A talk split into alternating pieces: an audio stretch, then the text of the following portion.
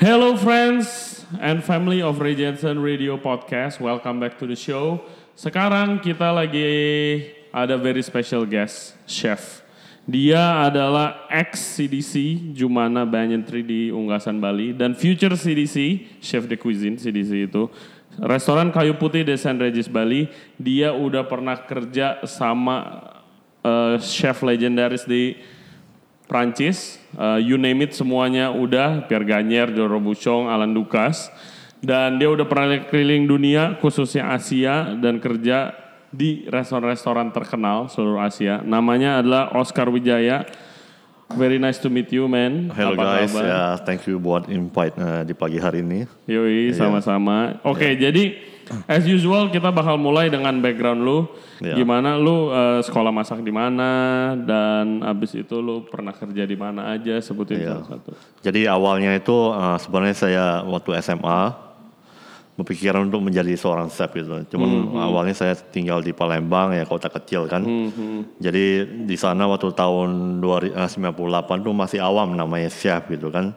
Tapi saya udah ada ketertarikan atau apa eh, dalam bidang masak gitu. Cuma bingung mau ke mana gitu kan. Sedangkan saudara semua ke Jakarta terus sekolah bisnis gitu kan. Oke, heeh. Terus tuh uh, saking bingungnya ya udah apa saya ikutin kata orang tua belajar bisnis selama tahun di salah satu universitas di daerah Kelapa Gading juga gitu. Tapi selama setahun itu saya ngerasa kayaknya uh, nggak cocok gitu kok belajarnya balik lagi ke akuntansi, manajemen gitu kan. Oke, oke. Terus tuh Kayaknya gue juga nggak cocok sih itu. iya juga nilai juga pas-pasan gitu kan. Uh, udahlah saya uh, bertekad untuk uh, balik lagi ke passion saya ke masak. Saya untuk uh, mencoba untuk lebih mencari di Google apa sih yang sekolah masak terkenal di apa di Jakarta, di Bandung gitu kan. Terus tuh dari situ saya ngomong sama keluarga untuk uh, mau berhenti gitu kan. Saya udah men- mencoba untuk sekolah di kursus di namanya Jakarta Culinary Center itu dia ada di Senayan itu Oke, dulu. beberapa temen gue dari dari situ tuh. Iya di Heeh, situ kan. Saya udah jalanin 6 bulan, 8 bulan, tapi kan kebanyakan tuh dosennya juga ada, ada salah satu alumni di Bandung juga gitu. Yang terkenal sekarang namanya itu NHI gitu. NHI ya. STP Bandung Heeh, gitu kan. lu Lulusan NHI. Iya dia mencoba untuk mencari apa?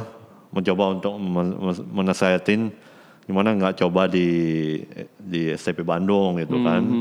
Udah saya Oscar apa nyari informasi bla bla bla bla terus tuh ya, ada pendaftaran Oscar coba gitu kan. Dengan bertekadnya pergi sendiri ke sana cari informasi ngikutin semua prosedur tanpa ya lewat belakang atau gimana. Ya just ya berdoa aja sih mungkin ini jalannya yang terbaik itu kan Tapi apakah susah kalau lu mau masuk NHI? NHI kan ya bisa dibilang yang paling top lah kalau misalnya hotel atau Iya. culinary school di dulu waktu zaman 2003 tuh termasuk susah juga sih jadi tesnya tuh lumayan banyak ada tes bahasa Inggris psik- psikologi tes wawancara banyak jadi Oh, apa oke. Ya udah Oscar pikir sih ya udah kalau memang jalannya aku ikutin kalau nggak lulus udah gitu kan Heeh, akhirnya Oscar jalanin eh tatonya lulus gitu Hmm. lulus aku tinggalin yang di Jakarta terus mulailah di Bandung Hmm. nah dari Bandung itu udah mulai ya passion jalan-jalanin sampai tiga setengah tahun D3 akhirnya lulus gitu Ya. dari situ sebenarnya Oscar dapat kesempatan di apa di Grand Hyatt Doha dulu Hmm, Grand Hyatt cuma Doha. saking visanya susah atau gimana nggak jadi Heeh. pengen punya pikiran kayak gimana ya kalau pengen nerusin kuliah lagi di Singapura gitu. Hmm, hmm. Namanya Satek itu kan kerja apa kuliahnya cuma dua tahun, setahun kuliah cuma setahun kerja gitu kan. Hmm, Terus tuh akhirnya eh, ya udah ikutin registrasi semua lulus juga terus sekolah setahun. Terus tuh dari situ mulailah kenal namanya gastronomi atau perkembangan makanan itu di Singapura. Oke, gitu. eh, sebelumnya gue mau nanya dulu. Oke, by the way guys, ini dia dari lulusan Syatek, Ah. Michelle lulusan Syatek dan kerja di San Regis. Michelle dulu juga kerja di San Regis. Mestinya ini dia yang bawa nih podcastnya karena lebih kenal kayaknya. Nah, yang gue mau nanyain itu lu eh, udah lulus sekolah masak di NHI, terus lu ngambil lagi. Ah. Lu berasa ngulang nggak? Soalnya dulu gue waktu sekolah masak ada teman gue yang kayak gitu tuh yang kayak udah pernah sekolah masak, malahan udah pernah yang jadi chef. Terus habis itu ya sekelas sama gue nih, kayak dia bilang kayak ini nggak bakal kepake kayak Oh, iya. kayak udah bisa milih-milih gitu loh yang kayak gitu. Lu berasa kayak gitu waktu Sebenarnya waktu abis dari Bandung itu mau nerusin ke Au- Australia sih ke Hmm. Golden Blue juga sama kayak lu Ah, kan, gitu kan. Cuman mungkin masalah keuangan lah gitu kan. Berapa sih sekolah di sana gitu Ah, Iya, kan. iya. Terus tuh aku cari informasi melalui agent gitu kan.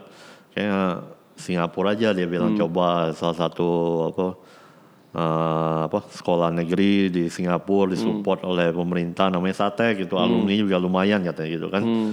Tapi programnya eh, apa diploma juga gitu, nggak bisa nerusin kayak bachelor ataupun Iya. D4 gitu kan. nggak ada sih kayaknya kalau Iya jarang gitu. apalagi kalau kulineri ya Hot- Iya. hotel masih ada bachelor lah kalau kulineri nggak iya Ya, actually ya honestly ya ngulang lagi sih dari basic sampai ke ya apa kita training gitu kan. Cuman ya don't care lah about that. Yang penting aku bisa belajar mengenai gastronomi di Singapura apa yang terjadi di apa perkembangan makanan sekarang gitu kan. Mm-mm. Ya selama setahun lewatin de- eh, di situ juga eh, waktu sekolah juga sekarang dikirim ke Taiwan oleh timnya sekolah Singapura itu buat kompetisi itu oh kompetisi apa sama tiga orang. Jadi kita ada namanya produknya salah satu apa ya potato dari kentang itu, Heeh.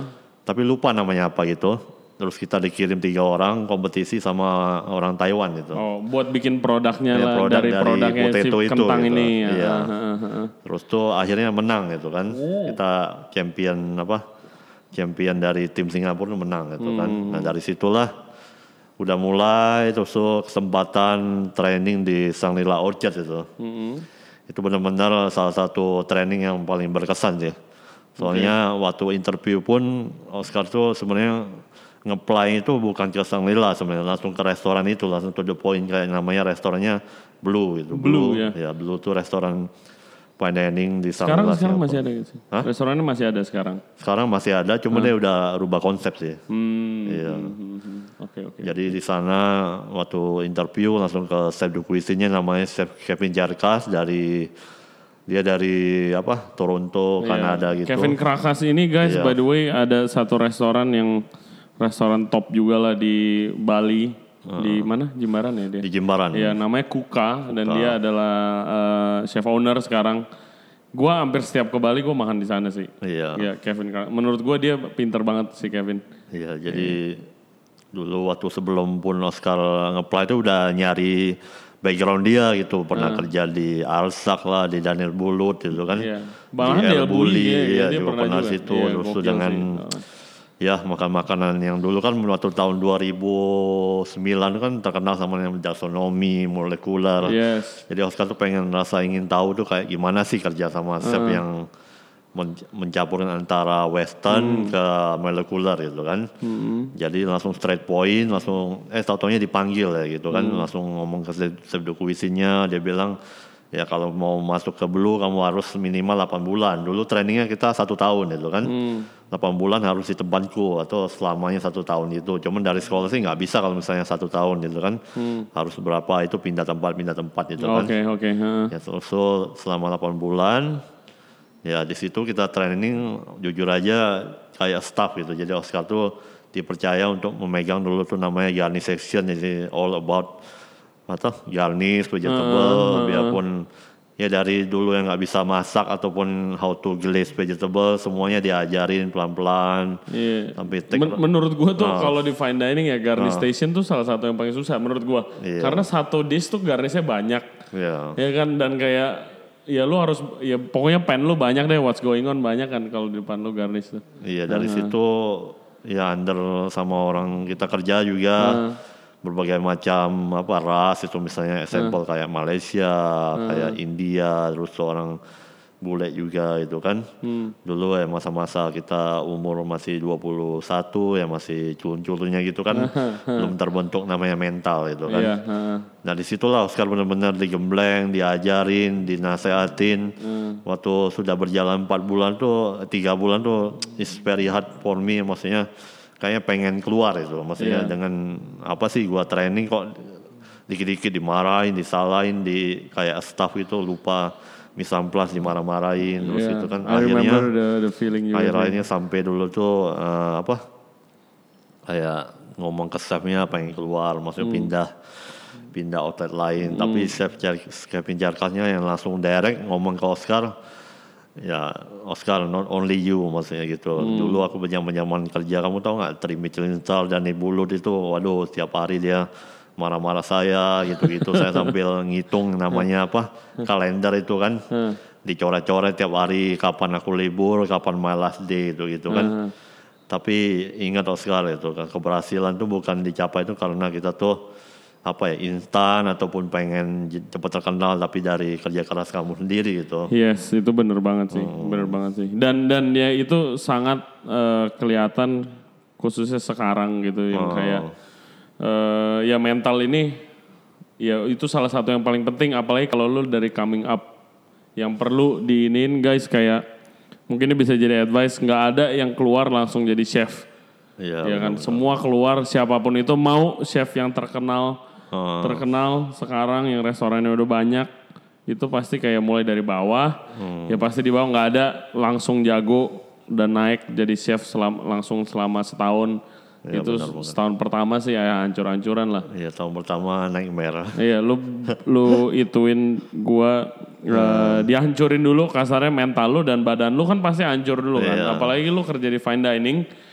ya badan lu nggak biasa lah. Badan lu nggak biasa lu shift. Dan siapa sih yang di sini kayak misalnya abis lulus sekolah langsung biasa berdiri 16 Iya, jam 18 jam nggak ada lah gitu. Kayak kerja tuh selalu deg-degan, aduh, aduh, aduh gimana ya, aduh Iya, nanti iya, gua iya, iya, dimarahin, aduh, aduh. aduh. Iya, Eh, tapi harus terus. cepet, iya. Iya harus cepet, harus apa ada perfect. cerita gak lu yang paling parah lu ngapain? Kesalahan paling paling itu lu? Eh, di mana? Paling di fatal di- waktu lagi kerja lah Oh, di dulu waktu zaman-zaman kerja di Tristar Robuchon Macau, Heeh. waktu pertama kali tuh join tuh di section eh, cold kitchen kan. Heeh. Jadi sebenarnya orangnya banyak itu ada kayak eh, sekitar tujuh orang itu satu tim termasuk CDP. Dulu sekali sana cuma komi gitu kan. Tapi I don't know why the chef always uh, trust me to make something difficult gitu. Nah, Misalnya saladnya tuh dari example lettuce diisi pakai crab, avocado, Gua nanti di tuh di roll situ. lagi, di Iya. roll. Nah itu pas potongnya harus bagus gitu kan. Nah ya saking Oscar ya namanya terlalu pede gitu kan. Di sana kita op- operationnya, servisnya busy banget maksudnya, maksudnya sibuk 60 pack, 70 pack dengan berbagai macam apa persiapan misamplas yang rumit-rumit gitu kan. Nah waktu one day eh, ada VIP guys, jadi chefnya minta ini apa crab salad gitu kan. Oscar potong, Oscar potong udah taruh di plate kebuka dia. Oh, Maksudnya hancur, hancur, saladnya iya. hancur itu kan.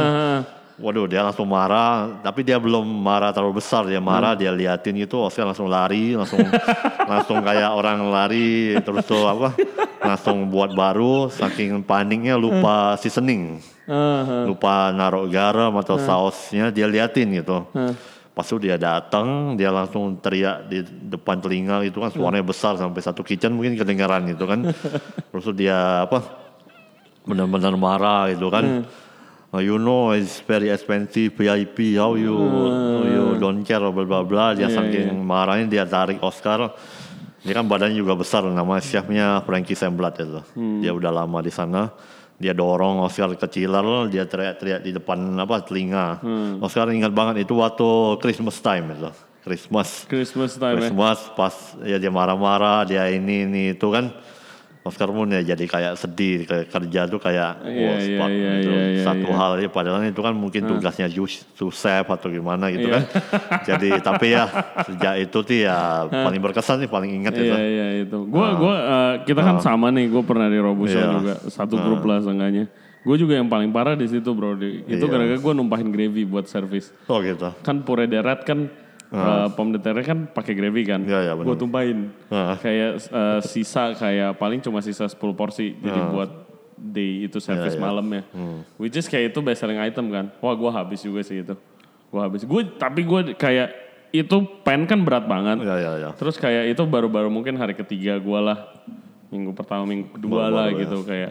Gue belum dekat sama staffnya. Oke. Jadi kayak gue minta tolong dong dengan bahasa Perancis yang terbata-bata juga. Ya, ya. Ada yang bisa bantuin gue gak nih ya naikin. ya naikin Nggak dipeduliin. Ya udahlah Oke. gue ambil. Nggak kuat. Oh. Jatuh tumpah. Wah itu gue dimaki juga sih. Iya Habis gue. Iya iya. Iya, tapi itulah yang kejadian itu ya sekarang jadi cerita lucu yang bisa Iya, diingat kenangan kadang- dan tapi itu yang membangun kita. Oke, anyway, karena abis dari Blue, nah ini lu mulai kerja di chef-chef legendaris nih. Kita Iya. cek dulu dari pertama Pierre Gagnier. Jadi awalnya tuh habis dari situ kan sebenarnya Oscar tuh pengen nerusin kerja di Singapura kan. Termasuk di Sanglila. Cuman mereka bilang it's very zaman 2010-2011 loh. Singapura tuh ada apa peraturan eh, apa kuota buat orang luar negeri itu dikurangin gitu kan. Jadi ya udahlah daripada memaksakan daripada pulang Indo gitu kan. Gimana kalau aku mau coba ke Middle East aja gitu kan. Middle East dulu sangat berkembang sih. Maksudnya dengan hotel bintang 7 atau bus Al Arab itu kan. Iya. Nah tapi di situ Oscar mulai nyari-nyari yang namanya what the famous restaurant in Dubai itu kan. Keluarlah di Google tuh namanya namanya Pierre Garnier bla bla bla bla. Iya, Pierre Dari- Garnier ini iya. guys eh, salah satu legendary eh, French chef juga yang udah award winning lah, ya kan? Iya, Eh, dia- Gimana kerja? Lu pernah ketemu dia gak? Eh, waktu di sana jujur aja dia siap eh, setahun lo datang ada tiga kali. Heeh, dia Dia datang kita buat menu baru. Terus dia masak sendiri di di kitchen. Orangnya udah tua tapi tetap gondrong, passion ya, ya. gondrong dengan apa style rambut panjang sedikit panjang yang clean nice kayak seorang kayak kakek yang masih kerja di kitchen gitu kan. Ya di situ eh, selama dua tahun ya namanya faktor laki ya bisa kerja di restoran kayak gitu dengan rasa confident walaupun tidak nggak confident juga sih maksudnya Iya. Baru tamat kuliah kok bisa kerja di apa restoran kayak gitu gitu. Skill juga belum sampai ke Lumayan laki lah ya. ya jadi lumayan laki lah namanya itu ya. kita lah, tetap course, heeh. pesimis fokus gitu kan. Tetap jalani sebulan kayak yang Ray bilang mungkin tiga tahun. Eh tiga sorry tiga bulan. Tiga bulan maksudnya gitu. Tiga bulan pertama tuh very siap tuh apa marah-marah terus. Kita juga masih adaptasi kan dengan berbagai macam misam plus yang very rumit juga gitu Iya, heeh, iya karena style Belgian itu eh, berbeda misalnya satu Iya. makanan tuh dia bisa keluarin tiga empat piring gitu Iya, itu Iya, yang iya. kayak gua eh, gua nggak pernah kerja sama Ah. dia kan. Dan kayak eh, dia tuh waktu gua tinggal di Prancis gua nggak Ah. belum sempet gua makan ke restoran dia. Iya ya. Tapi gue lihat tuh konsep dia tuh very unique dari Unik. semua segala macam. Kalau French French chef yang lu pernah kerja juga nih kayak Alan Dukas, Robuchon, Hmm. Iya. itu kan kayak ya lu course gitu kan biasanya Iya, course dan course-nya kebaca Iya, dari iya. misalnya pasti ikan dulu, abis ikan Iya, baru iya, iya, ayam, benar, abis benar, ayam baru sapi gitu kan terus ada salad kadang-kadang sebelum Iya, iya. dessert kayak gitu. Terus kalau Pierre Gagnier nih kayak ya terserah dia gitu kan kayak ada banyak komponen Iya, kan. iya. Kadang pisah makanannya Kayak ya, semua trimming makanan tuh dipakai gitu. ya, misalnya example kita buat lobster salad. Hmm.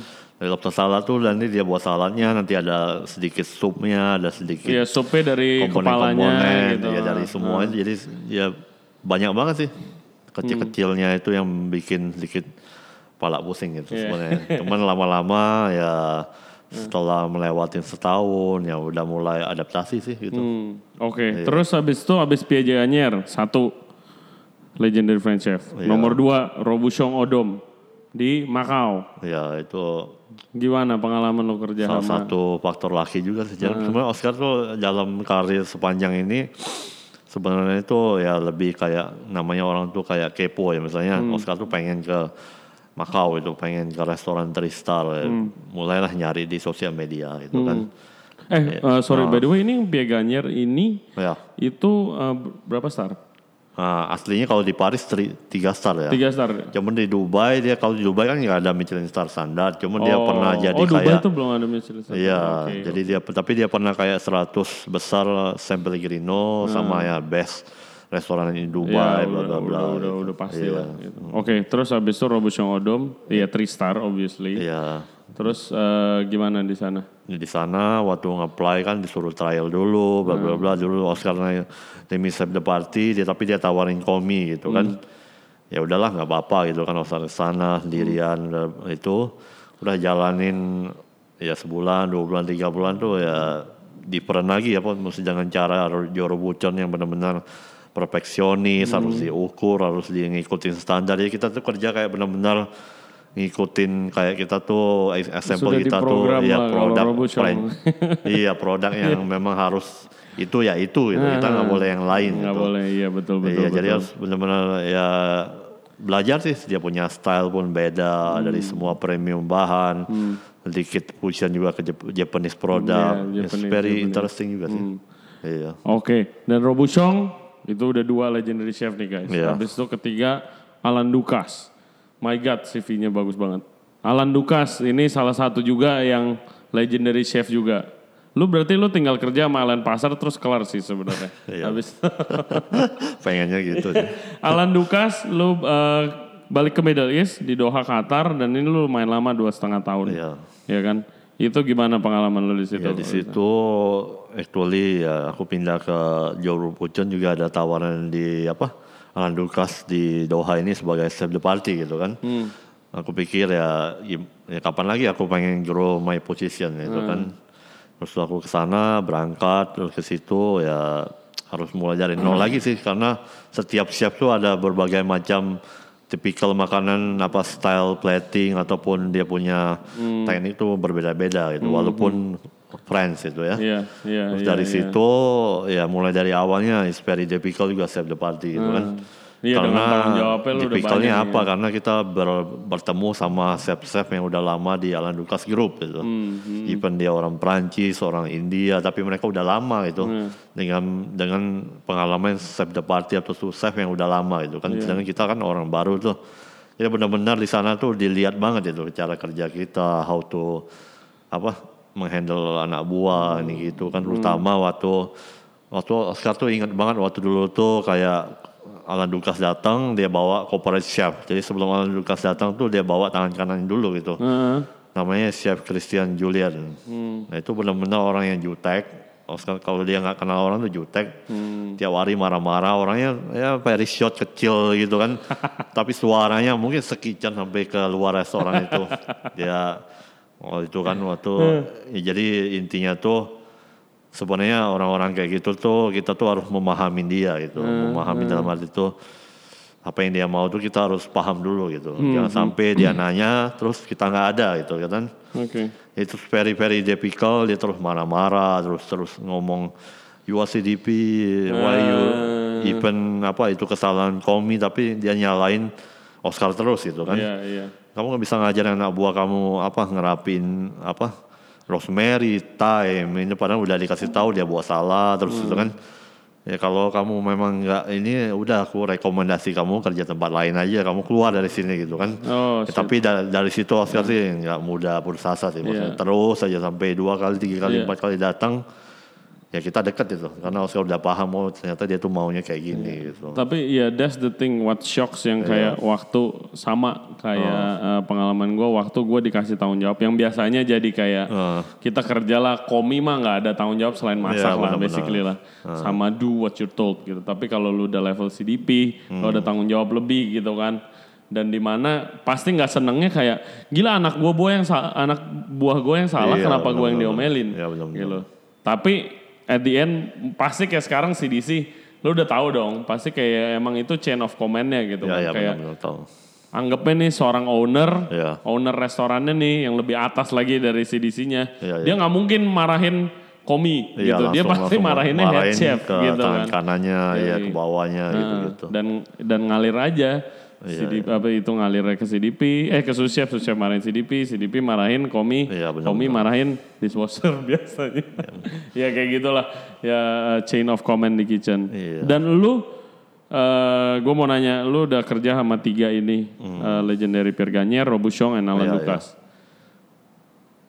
Eh, pertama yang gue mau nanya kalau misalnya lu pindah nih dari restoran Pierre Gagner ke eh, restorannya Robuchon dari Robuchon pindah ke Alan Lucas Oh. Iya, gitu. benar. mereka kayak gila lu ngapain ke sana gitu kayak gitu gak sih Iya dia nanya sih kenapa kamu pindah ke Ke grup sebelah chef gitu kan, kasarnya gitu, ya nah, kan. ha, ha. Dia bilang kalau kalau lu pindah lu bakal nggak stay lama deh sama dia gitu. Bener, ben- apa uh, uh, better kamu Iya. apa di sini aja gitu Iya, kan. biarpun kan pasti mereka masih rival juga kan, Iya, ya iya, kan? benar, kayak ya French culinary guts gitu lah. iya, ya kan? iya. Oh ada juga ya feeling Ada juga itunya sih ya? yang saling mungkin menjelekan ini chef oh, iya. makannya ah biasa Biasa, aja iya, lah iya. ini lebih Iya. better Iya, iya. ada juga yang wow kamu bisa kerja Tapi menurut lu, lu yang paling cocok sama lu style yang mana men? Sebenarnya saya lebih suka sih Robuchon sama Alan Dukas sih ah. karena pertama kalau Robuchon tuh lebih ke dia fusionnya lebih ke Asian ya kayak Hmm. French with uh, Italian eh sorry sorry Italian. Japanese dia Japanese biasa. influence Iya,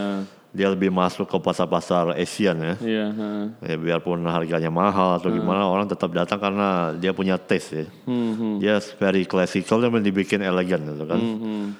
Nah, Kalau Alan Dukas sendiri? Iya, kalau Alan Dukas tuh kita tuh kayak eh, berpikir gimana sih kalau bahan-bahan yang murah ataupun barang-barang umum yang ada di kota-kota sendirinya itu bisa kita buat sesuatu yang wow gitu kan Iya, iya. dengan cara tekniknya dengan apa sistem style Alan itu sendiri itu Hmm. paling banyak belajar sih dari saus-sausnya sendiri plating sih setiap chef punya berbeda-beda sih gitu Gua gua pernah Iya. nonton di YouTube video Oh. Alan Dukas itu masak ya yang tadi lu bilang dia tuh bisa turn kayak really iya. common ingredient Iya. yang nggak mahal bisa jadi something amazing. Which is gua nonton video di YouTube, Ah. videonya kayak hampir sejam gitu dia masak lobak doang. Oh iya ya ngerti-ngerti yang di Jepang nggak Iya salah yang ya. di Jepang ya. Iya, iya, benar. gue masak ya dia belajar dulu ke chef yang Iya, specialize belajar masak dulu, sop lobak dia- terus dia bikin sendiri. Gue kayak, men lu masak lobak gitu loh. Iya tapi tapi itu. Iya iya iya. iya. Iya, Oke, jadi di situ sekarang. ya benar-benar sih event only carrot, only Hmm. apa ya misalnya kayak apa? Randy bilang ya apa? J bilang apa? Only lobak, tapi Iya. dia punya style sendiri yang gimana itu bisa Iya.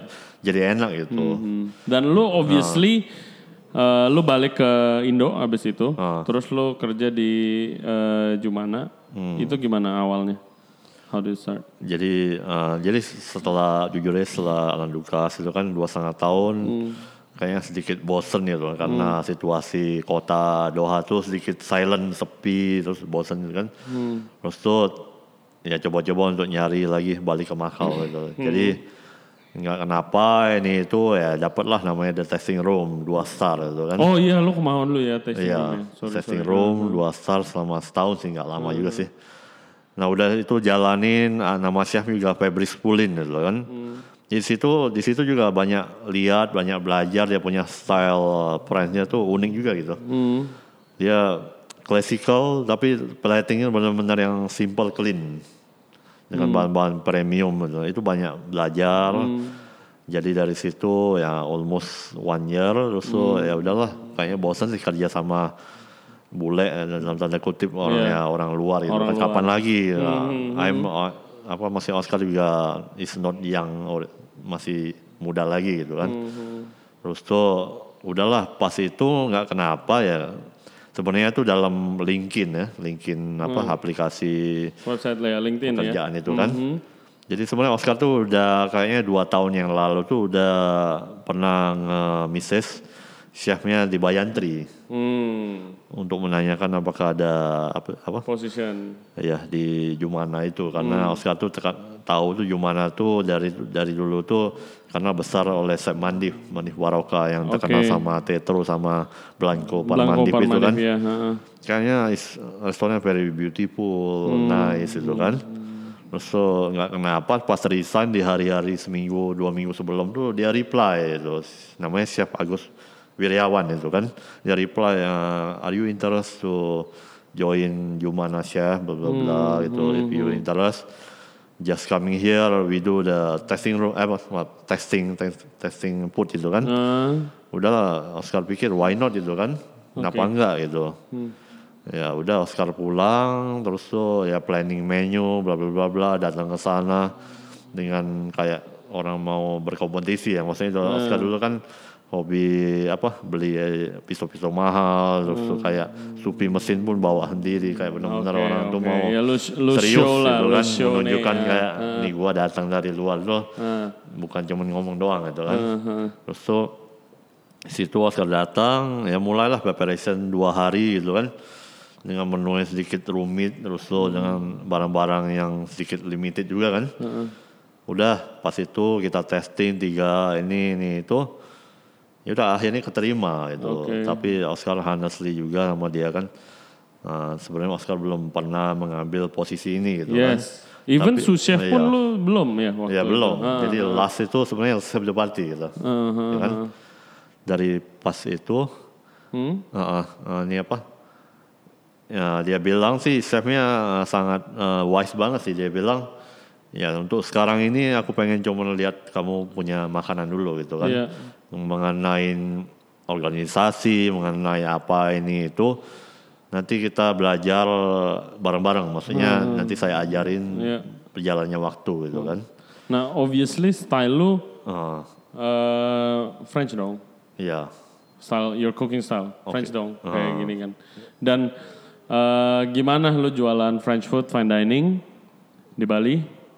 Eh, dan gimana lu kayak pas lu mengalami cultural shock gak dengan misalnya kayak eh, standar workforce-nya waktu lu Iya. obviously lu ini standar workforce lu udah top banget lah lu cuma pernah kerja sama orang-orang yang kayak Ya, ya. levelnya segini gitu kan contohnya Ya, ya. gitu kan dari Robuchon, Alan Ya, Lucas dan ya. lain sebagainya. Ah. Gimana cultural shock lu waktu saat itu? Jadi waktu eh, jujur aja sih waktu Oscar pertama kali join itu waktu kerja kan it's not only apa nggak cuman mikirin menu yang apa buat makanan yang bagus tapi Iya.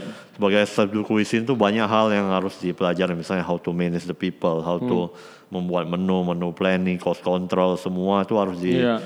berjalan waktu sebulan dua bulan tuh very struggle bener-bener Hmm. apa sangat stres itu kan maksudnya Iya. gitu kan tapi berjalannya waktu ketemu orang-orang yang di hotel tuh yang bisa menyupport gitu kan Hmm. ya karena di eh, jujur aja di Jum- di Jumana itu waktu Oscar datang tuh sebelumnya Oscar nggak tahu kalau Jumana itu ini apa running jujur aja running running banket juga gitu kita membuat makanan buat wedding bisa Oh. 60 pack 100 pack 200 pack Jadi selain lu Iya, ada dengan, dengan itu, ala carte, iya, set tapi dinner, tapi kita running uh, banket juga gitu kan. Wow, wow, wow. Jadi wow, Oscar wow. tuh, Ah. wah Wah, benar-benar bingung gitu, terus struggle. Nanti banket pun bisa dinner service pun bisa buka bersamaan gitu. Ah, ya Waduh, udah pasti. Iya. Iya, Oscar ah, pikir terus, terus. benar nggak nih restoran apa ini itu kan. Tapi dengan tekadnya, dengan apa apa nasihatnya chef juga gitu kan.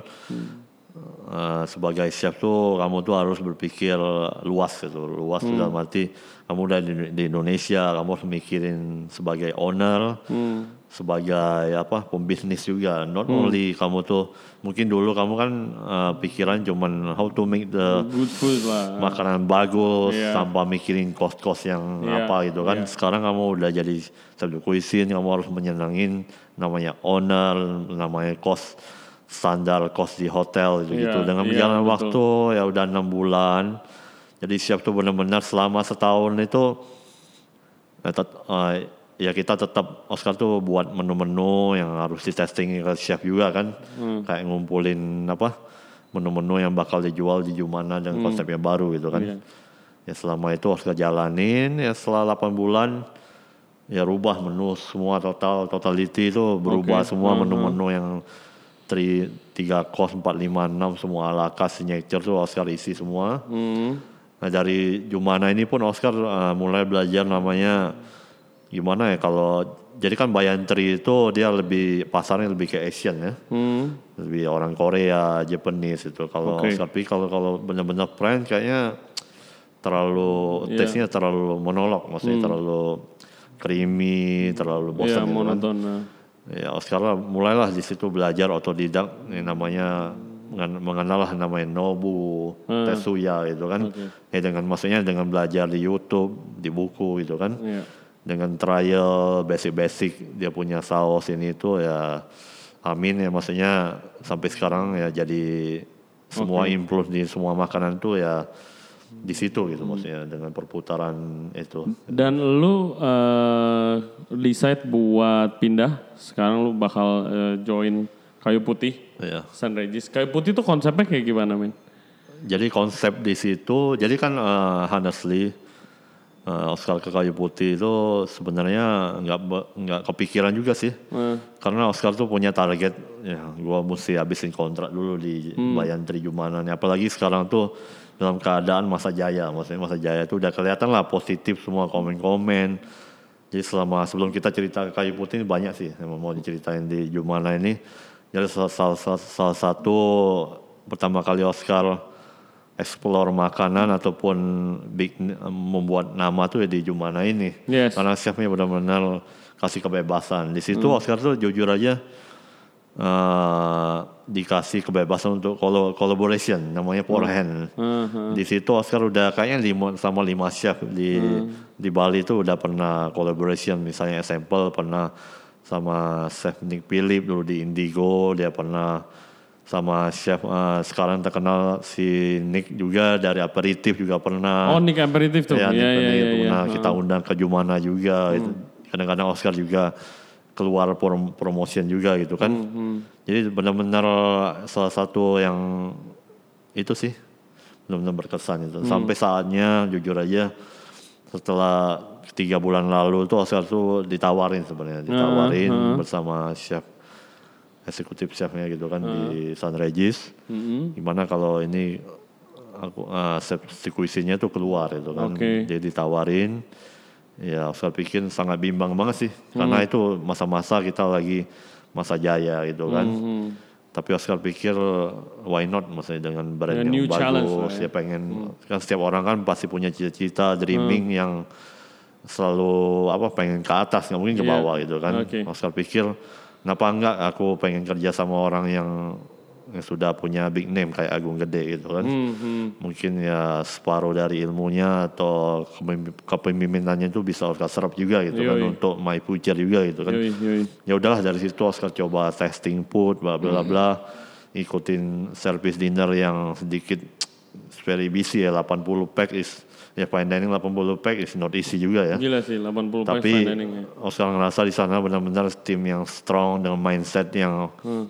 hotel fleksibel ada branch ada Oke. apa malah lebih fleksibel lagi maksudnya jangan Lebih kita dynamic lah. ya kita iya. menghandle namanya apa dia ada bis clubnya Hmm. kadang-kadang membayar nasi goreng apa burger itu tapi Oscar pikir ya udahlah apa yang memang Hmm. Mungkinnya takdir Tuhan itu ya kita nggak tahu juga ya gitu ya Iya, iya, iya. tapi Oscar eh, tetap keke itu kayaknya Iya. ini memang jalannya sih Hmm. kita namanya Oscar tetap percaya ya kita nggak pungkir namanya takdir atau minta Iya. jalannya Tuhan gitu kan Nah, Akhirnya ya, kapan mulai? Hah? Kapan mulai? mulai eh, efektifnya tanggal 20 sih Nice sih. jadi ya akan berjoin di kayu putih Sun Regis itu Oke oke Iya. oke Oscar. Jadi eh, kita harus close dulu sekarang. Ya. Karena kita udah reach the 30 minute mark. Ya. Dan eh, guys, jadi kalau you have an amazing story Ya, kan, dari so dari much. training training lu, eh, waktu training dan pengalaman lu kerja di mana-mana. ya Eh, guys, jadi kalau menurut gua sih yang kayak gua bisa ngambil dari podcast kita kayak pertama ya ini Chef Oscar yang emang udah kerjanya nih ya kalian pasti tahu eh, CV-nya dia sebagus apa yang tadi udah jelasin. Dan kayak dia aja pindah tempat itu langsung berasa wah struggle lagi gitu. Berasa struggle lagi karena waktu adaptationnya itu kan. Nah waktu adaptation yang paling besar menurut gue itu ada period di mana lu waktu baru lulus dan lu mulai kerja diterjunin lu terjun ke uh, professional kitchen karena itu beda jauh. Waktu gua lu, temen lulusan gua pun uh, sekolah itu udah banyak sekarang yang nggak lanjut gitu karena ya bukan buat mereka atau terlalu capek Ya, gitu benar-benar. segala macam atau diomelin sedih merasa tersinggung keluar dan takut buat balik lagi dan segala macam Eh, jangan don't do that. You have to push gitu, show up and push yourself kalau di kitchen, apalagi kalau mau kerja di fine dining kayak Chef Oscar gitu. Dan jangan stop belajar. Contoh Chef Oscar yang udah ditawarin jadi CDC di Jumana, instead of dia kayak oke ini makanan gue ini style gue, sekarang lo ngikutin gue, tapi dia baru dia justru mulai belajar untuk agent touch-nya. Ya gitu and it's very important. Biarpun lu udah jadi leader udah jadi bos di kitchen lu jangan berasa keren dulu. Iya. masih banyak yang lebih jago dari lu. Itu ya lu harus belajar terus lah gitu segala segala macam. And don't stop learning. Even Chef Oscar begitu udah enak dan lagi masa jayanya dia lanjut lagi dan dia mau belajar lagi sama orang yang lebih hebat lagi gitu. Dan kita harus serap semua ilmu segala macamnya. Kalau misalnya orangnya rese orangnya kasar orang yang ngomelin Ya ya udah. Nanti lu kalau udah jadi bos juga berasa sih gimana Ya, keselnya. kalau misalnya anak buah lu ngegosongin atau anak buah lu nggak bilang tiba-tiba main keluar aja gitu loh. Ya, ya, main keluar aja dan banyak alasan lah eh, mau buka usaha lah apa bantuin bokap itu udah paling standar lah gitu kan. Eh, so please keep on keeping on yang lagi susah nih kalau di Jakarta sih karena kayak F&B nih lagi kayak lagi goyang banget nih restoran lifestyle. Ya, ya. Ya kan soalnya kita benar-benar kesaing sama eh, online food delivery system gitulah yang kayak bisa jual murah apa khususnya di lunch itu kita lagi susah so keep on keeping on jangan menyerah and apa ya good luck good luck to you for next Oh, ya. future project Thank you so much. Thank you very much for listening to our podcast. Uh, jangan lupa subscribe di YouTube, Spotify, Apple Podcast, Google Podcast, dan Anchor M. Lu udah subscribe belum? Udah sih. thank you, thank you. Oke, jangan jangan lupa kalau mau ngobrol-ngobrol atau minta nasihat bisa ke gua di Instagram Ray Jensen or Ray Jensen Radio. Bisa juga ke Oscar Instagram lu apa kan? O- OSC underscore WIJ. Oke, Oscar OSC Wijaya. underscore WJ nanti kita kasih descriptionnya. Ya. Thank you, thank you again very much for watching. Hope we can inspire you. We'll see you next time. Bye bye. Oke, thank you guys. Oke,